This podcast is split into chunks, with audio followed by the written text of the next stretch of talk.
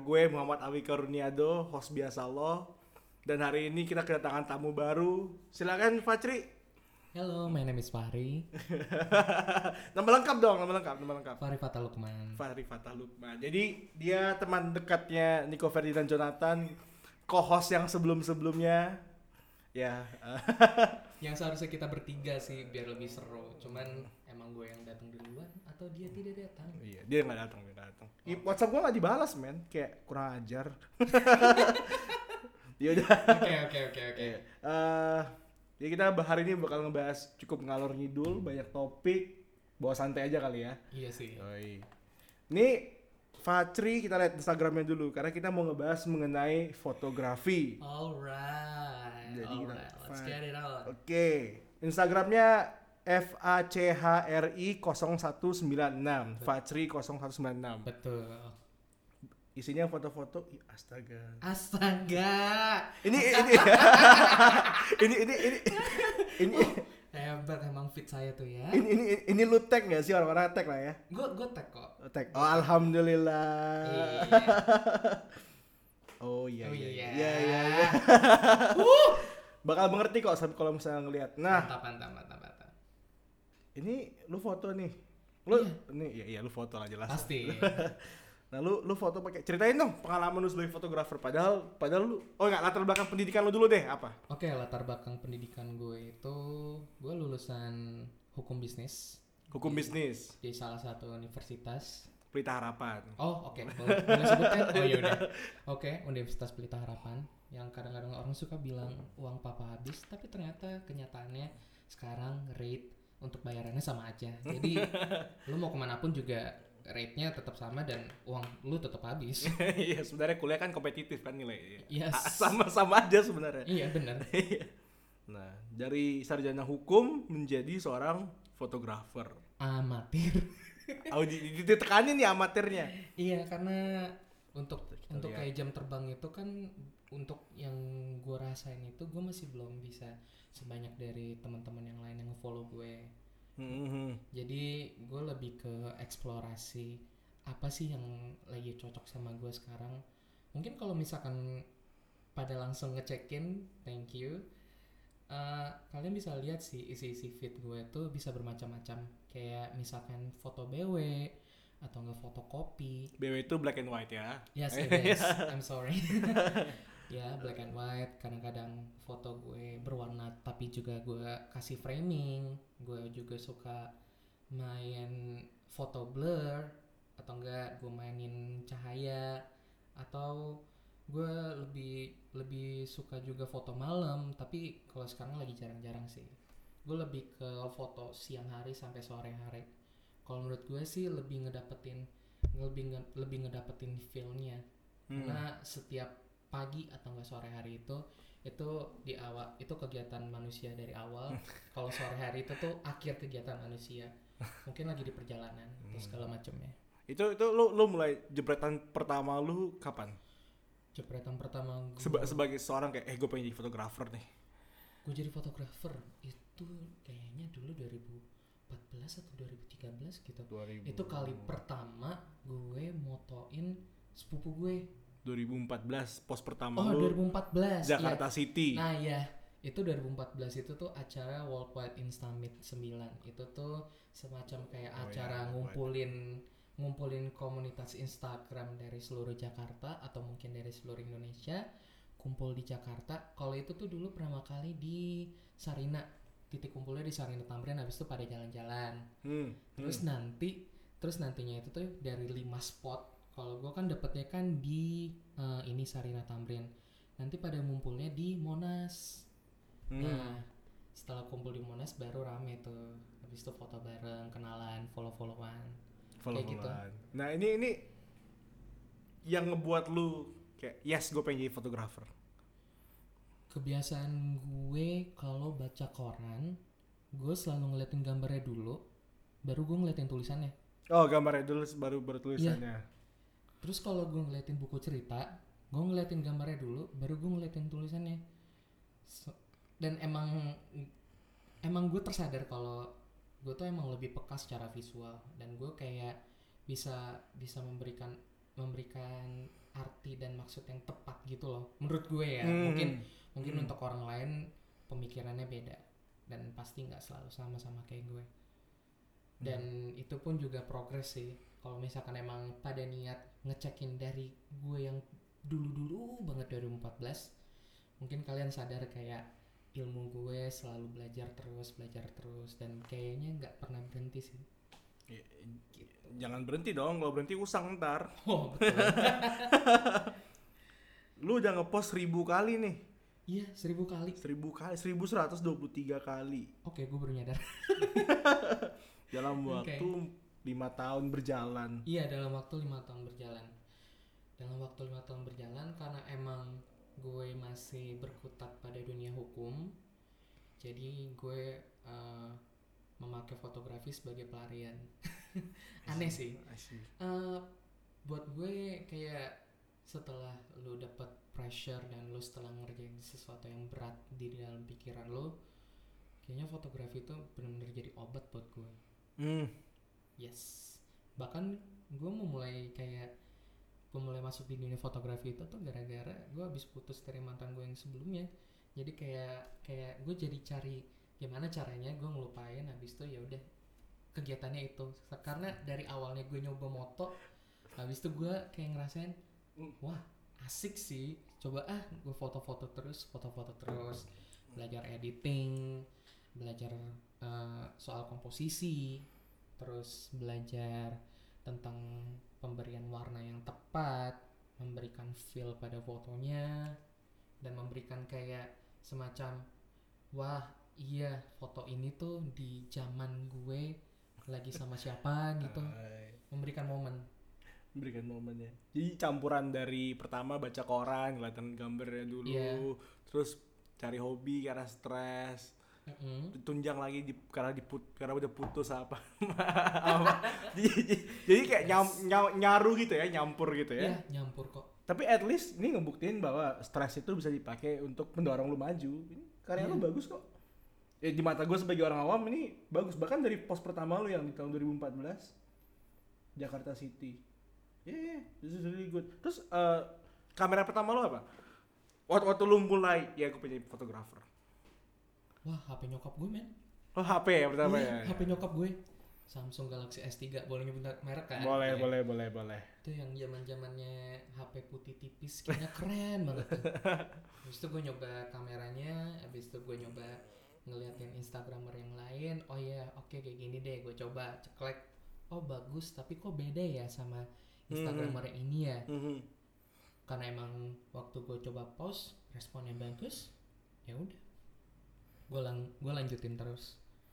Bahkan bahkan kam bahkan Instagram itu tuh kayak nunjukin bahwa kayak eh, kamera lu buat ngambil gambar gak selalu harus punya kamera yang bagus lu harus punya mata yang bagus dan mata lu juga harus di harus di kon- harus mengkonsumsi visual-visual yang emang menambah perspektif lu jadi Iya, eh, iya. apa pun apa pun barang yang lu Setuju, pegang setuju.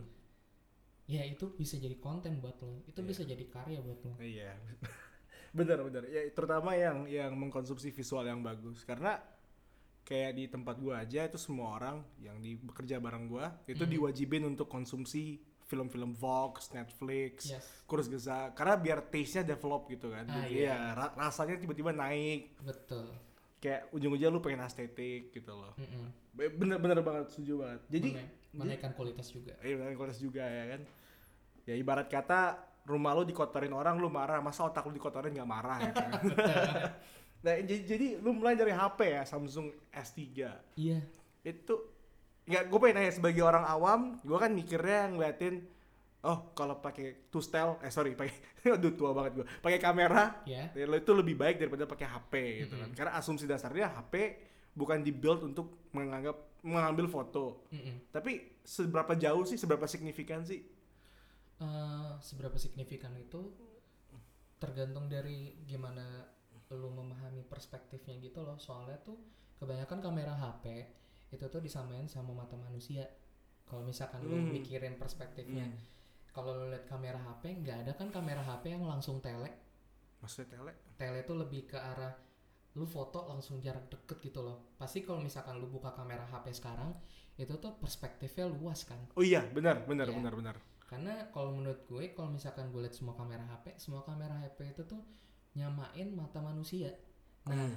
jadi tuh sebenarnya kamera HP itu kan bisa jadi awal awal patokan lu bisa belajar untuk fotografi dong makanya kayak gue yang gue bilang dari awal untuk yang orang-orang yang mau memulai perbanyak follow atau misalkan kayak misalkan kalian dapat buku di perpustakaan tentang fotografi kalian belajar ini kalian belajar komposisi dan warna Komposisi dan warna. yes betul Betul. Udah kalau masuk ada teknis gue ada bingung nih. Tapi kalau Iya. untuk untuk yang develop taste eh, iya kayak gue pakai Instagram gue buat ngeliatin karya-karya yang bagus di kebanyakan banget tuh artis-artis yang naruh gambarnya di kayak kayak lu misalnya lu Mm-mm. naruh gambarnya di di Instagram jadi bisa memperbaiki feed yep dan Betul. enak aja ngeliatin Instagram terus teman-teman di mute aja karena biasanya Iya. kalau kalau teman-teman taruh di kalau teman-teman sorry nih ya guys tapi kalau lu bercerita di Instagram atau ngepost di Instagram ya itu mungkin menarik di mata lu Iya. tapi di mata gue nggak menarik. Gue mending ngeliatin karya-karya yang bagus atau berita gitu. Iya betul. Oke. Jadi kenapa lu masih sebut diri lu amatir? Lu kan udah ngabisin lima tahun nih lima tahun berjalan sorry. Lima tahun Hmm. berjalan sebagai fotografer. A- apa yang ngebedain amatir dan pro? Amatir dan pro. Kalau amatir kalau amatir itu kan lebih ke arah dia ngedevelop taste-nya mereka. Mereka belum bisa konsisten I see, I sama- see. sama apa yang mereka jalanin sekarang terus habis itu kalau misalkan kita omongin soal value-nya mereka di mata klien pun mereka belum bisa develop tim mereka belum bisa bikin kerja tim. Dan dan kalau buat gue seorang fotografer amatir itu tuh masih bekerja secara individualis. Hmm. kalau misalkan kita bandingkan sama profesional fotografer itu mereka pasti dengan tim. Mereka punya konsistensi warna komposisi dan juga mungkin kamera ya. Kalau misalkan kalau misalkan yang gue lihat sekarang dan yang mereka yang bikin mereka jadi profesional itu mereka dipercaya orang Oke, oke. Reliability-nya berarti ya. yes Terus eh, cara lu ningkatin level lu gimana? Kalau gue gue pengen tau karena kan gue teman gue ada yang fotografer juga, Mm-mm. jadi editor Hipot- hipotesa juga namanya Daniel Anugrah Wijaya. Mm-mm. Dan dia tuh selalu bilang sama gue, buat naikin level itu pertama akui dulu 10.000 foto pertama itu jelek. Baru 10.000 satu mulai mulai develop tuh. Makanya dia kayak sering banget jepret jepret jepret jepret supaya dapetin 10.000 pertamanya gitu loh. itu quote-nya salah satu ini street photographer namanya Henry Carter Bresson Oh dia ngambil dari quote bang. Iya. gue kira keren banget sih come up originally Iya. gitu ternyata quote. Oke oke. karena si uh, master street photographer itu dia bilang emang 10.000 foto lu jelek Sumpah. dulu, dulu juga kalau gue ngeliatin foto feed pertama gue di Instagram tuh kayak nih apa dah anjir masih nggak masih kayak gue ngepost apa sih ya udah tapi gue keep atau gue archive kalau misalkan emang warnanya nggak klik banget gitu loh. Hmm. Oh jadi jadi lu tahu ya oke ternyata dari dari street photographer ya oke. oke. iya Dan dan lu lakuin itu nggak sampai sekarang sampai sekarang ya? Ini di Instagram lu tuh 1123. Total yang udah lu jepret berapa? Wah anjir Puluhan ribu mungkin Gua Oh udah udah lewat di 10.000 berarti ya? Iya kalau di shutter ya Gue Iya. nggak tahu kalau misalkan kayak campuran dari kamera HP Kamera eh, S, eh, Kamera analog gue Habis itu kamera eh, Kamera digital gue Gue kamera digital ada dua Habis itu kamera HP gue di sini Bisa lebih dari itu Oke oke. Berarti emang itu dari kulminasi selama 4 tahun 10 lebih dari puluhan ribu ya. Berarti emang kemampuannya dikulminasi berarti ya? Iya. Kalau misalkan lo lihat dari progres gue itu, gue paling suka main kontras kenceng banget sampai terlalu tajam dan dulu waktu gue masih sama mantan yang sebelumnya punya abang dia bilang mata gue sakit ngeliatin foto lu. Lu turunin ketajamannya. Ah iya. Setelah itu gue belajar. Dan akhirnya sampai sekarang. Mantan yang dulu berarti saya udah pacar dong. enggak. Kalimatnya rancu banget jadi gue butuh ada. butuh atau belum? ada ada seseorang yang membuat gue kayak bisa belajar banyak soal skill fotografi gue hai anjir uh Aduh. Terus nah sekarang udah ngabisin lebih dari eh, udah jelas dong 20 20-an ribu kan. Nah, Hmm. untuk next step ke level berikutnya apa tuh? gue lagi nyoba em, coba ny- coba naikin next step gue ke potret fotografi sih Portrait fotografi. Ah, coba Nah, def- eh, coba definisikan Oke, oke, juga. oke, oke. definisi definisi potret fotografi itu tuh eh, memotret manusia lebih Hmm. tepatnya eh, kalau di kalau dari pengertian gue ya memotret manusia untuk bisa mendapatkan eh, arti dari tatapan arti dari warna dan arti dari raut muka yang dia tunjukkan Oke. ya kayak misalkan ada salah satu fotografer gue lupa namanya Eh, itu dia fotografer National Geographic Hmm. dia yang motoin Afghan girl Af- Afghan girl. Afghan girl Afghan Afghanistan girl Afghanistan girl. Yes, yes, Yes. yes. Oh ya ikonik itu ya? Iya, Iya, yang iya. iconic Vito yang dia bermata biru. Hmm, hmm. Nah, di situ lu bisa lihat kan apa yang dia rasain di di saat itu waktu dia difoto. Pressure, Oh, I see, I see. oppression. Apalagi di Afghanistan kan yang sampai sekarang lu nggak tahu situasinya kayak gimana. Hmm. Dan si fotografernya itu tuh bisa dengan bisa dengan instingnya dia moto salah satu orang yang bisa memberikan pesan untuk halayak luas bagaimana situasi di negara itu. Jadi eh, satu pot- satu foto bermacam cerita dan satu foto bermacam makna itu tuh ada dan dan nyata. Satu gambar sama dengan seribu kata. Yes. Eh. It is. Berarti portrait fotografi itu yang rasa yang ada di konteks itu bisa kebawa di gambar berarti ya. Iya, betul. Oke. Oke, oke. Sih, udah 17 menit kan? Oh my god. Iya kan? Panjang ya? Kalau misalnya kita lanjutin 16 topik, ya makanya gue bilang 6 topik bisa jadi 6, 6 podcast sendiri. Oh, oke, Nggak masalah oke, sih. By the way ini juga pertama kalinya kakak Kes direkam jam 7 sore. Eh, ya jam 7 malam. Oh, jam Oh iya. Biasa kan sama Niko kan jam 3. Iya iya iya iya iya iya.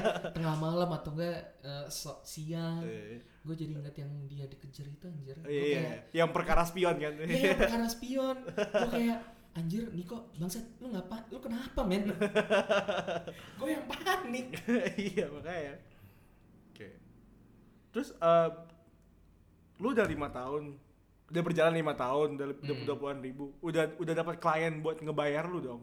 Udah ada Udah. orang yang berkenan membayar lu berarti kan? Udah udah ada. Itu Udah dimulai dari tahun berapa? Tahun kedua tahun ketiga? Tahun kedua. Hmm di tahun ketiga.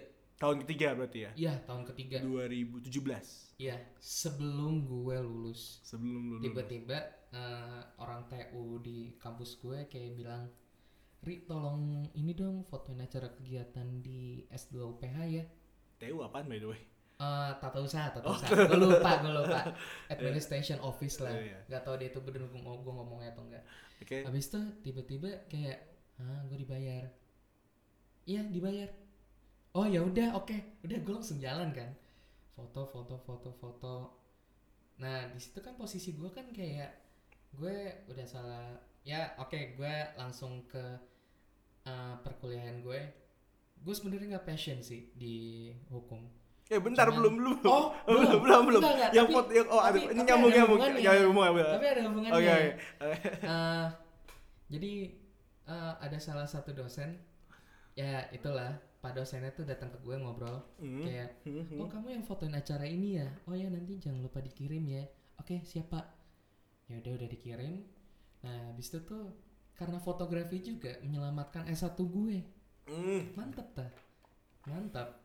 Jadi tuh Dan dan dosen itu yang ngebimbing lu atau dia yang nyidang lu? dosen gue yang ngebimbing dan nyidangin gue pening pala gue waktu itu cuman ya gitu gara-gara gara-gara pekerjaan itu pun juga gue akhirnya bisa lulus on time Nah, gue mau tahu nih, itu bayaran pertama lu berapa tuh? wah coy dua ratus ribu anjir cuman Bahkan gak 10% UMR, men. iya makanya gue kayak ah my god ya udahlah Iya, iya. dosen Ya Kalau enggak gue gak lulus nanti Gak dibaik-baikin gue Ya enggak. Karena kan biasa tuh ada kayak kayak apa namanya kayak ada tahayulnya. Kalau misalnya lu buka restoran nih, Hmm. konsumen pertama lu bayar seratus ribu, terus seratus ribu tuh lu simpen gitu loh kayak, oh, ini bayaran iya, pertama iya, gue iya, gitu iya, loh. iya. Jadi bayar bayar pertama lu dua ratus ribu. 200 ribu gila men terus gue kayak wah ini duit ya dari gue hasil moto akhirnya gue akhirnya berlanjut sampai sekarang Berlanjut sampai sekarang. Iya. Itu tuh rate-nya pelan-pelan naik dua ratus ribu ke pelan pelan naik paling mahal di berapa waktu itu? 2,5 2,5 buat, Iya. buat satu hari. untuk untuk satu project sih Satu Per project, bulan. per- masih masih per bulan karena gue masih sambil S2 juga Mhm. Itu nggak- ini kan ini foto-foto lu aja yang kayak orang kondangan nikah gitu kan? oh iya Lu, gue- lu dibayar tuh.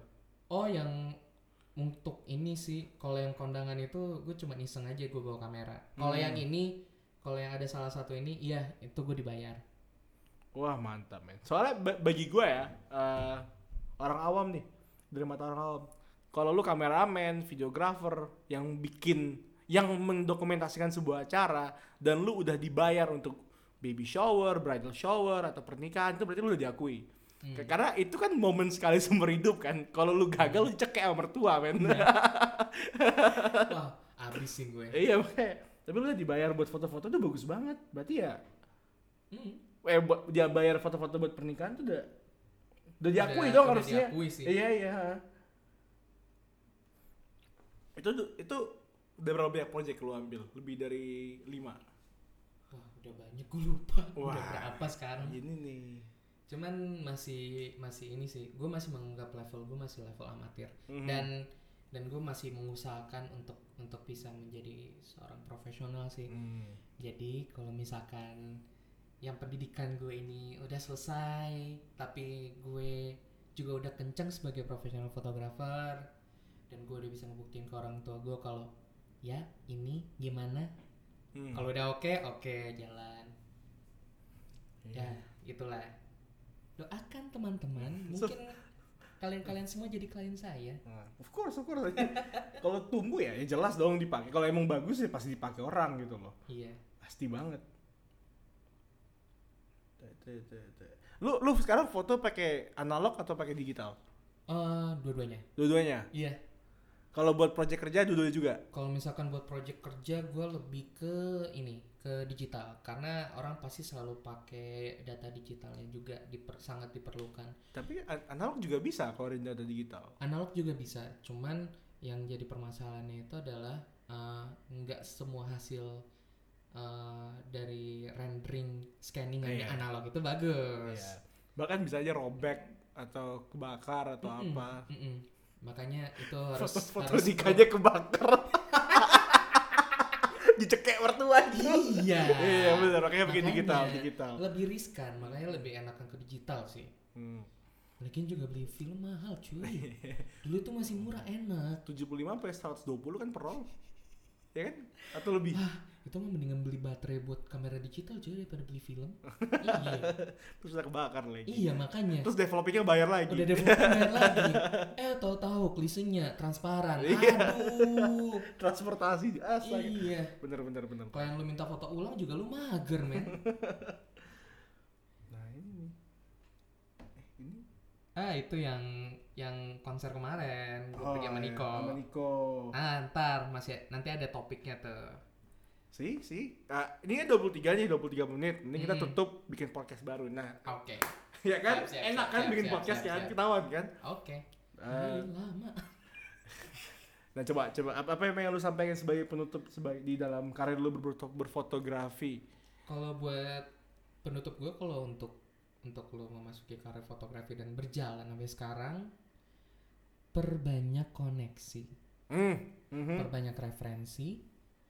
Eh, Sebenarnya kamera nggak terlalu eh, gear kamera itu tuh menjadi hal yang kesekian karena kalau misalkan emang kamera lu bagus tapi koneksi lu kecil dan referensi dan referensi taste lu juga sedikit orang juga nggak bakalan mau sama lu Mhm. kasarnya gitu gue sih orangnya to the point ya Jadi emang ya kunci sukses tuh tiga. Pertama niat Iya. kedua tahan banting Iya. ketiga orang dalam Orang dalam. iya, betul, betul. selalu ya selalu betul ya itu. selalu ya Iya. Nonton film-film aja akhir-akhirnya orang dalam juga. ya benar benar Iya, gua, Ko- gua- koneksi itu ya. koneksi itu penting, men. Soalnya kan dari mulut ke mulut, Iya, dari iya. posting ke posting. Iya, orang percaya kalau gitu kan Iya. iya Makanya kan ada influencer. iya iya Nah, itu. benar benar Itu tuh ordal di ordal dibayar, men. Influencer itu. Makanya duitnya banyak. Kayak yang ibu itu loh yang baru lahiran. Hmm. Selamat ya, Bu. Cantik banget anaknya emang. iya gua gua gua gak tau yang mana tapi gua iyain aja Iya, iya. Ya udah deh. iya udah Ibu Rahel V-nya itu oh iya iya iya iya itu coy. Itu ordal yang dibayar, men. Nah, bet, iya iya iya yang kemarin dia- beliau bikin acara ya Iya. iya Rame tuh, meriah, men. Pria Coba banget. kalau gue jadi fotografernya. Wah, udah. Oh, langsung ganteng gue, kurus, fitness kan. duit lancar Kamera- ya iya, duit lancar, kamera lancar. Udah makin ganteng gue. Tuh, tapi benar sih benar sih orang, orang referensi itu makanya gue pribadi percaya Instagram lu, Facebook, LinkedIn, Twitter segala macam yang lu punya itu sebenarnya channel lu untuk menjual diri lu dengan orang lain. Betul. Bu- Bukan menjual menjual, tapi maksudnya kayak nunjukin bahwa gue bisa ini, Iya. ini yang gue capai. Show your work. Iya, show work, your work, benar benar benar. Soalnya kan kayak salah satu entrepreneur sama motivator Gary Vee kan. Yes, kayak gitu. oh iya, oh iya. Yo, you gotta hustle, man. Iya, tunjukin lu siapa, Yeah. bikin konten. Don't post on your one one social media. Iya, Take four, five, five, six, six, seven nih. or even a thousand. Do it. Ma- makanya ini ini rencananya ke depannya kalau semua berjalan lancar gue pengen ada studio jadi bisa sambil bikin video terus audionya Hmm. jadi podcast gitu loh Wah iya, gak usah satu mic lagi. ini satu mic doang men iya, ya anjir. ya mudah-mudahan semuanya lancar ke depan oke itu kakakes episode 22 21 ya udah gitulah intinya terima Iya. kasih oke Have a good day. have a good day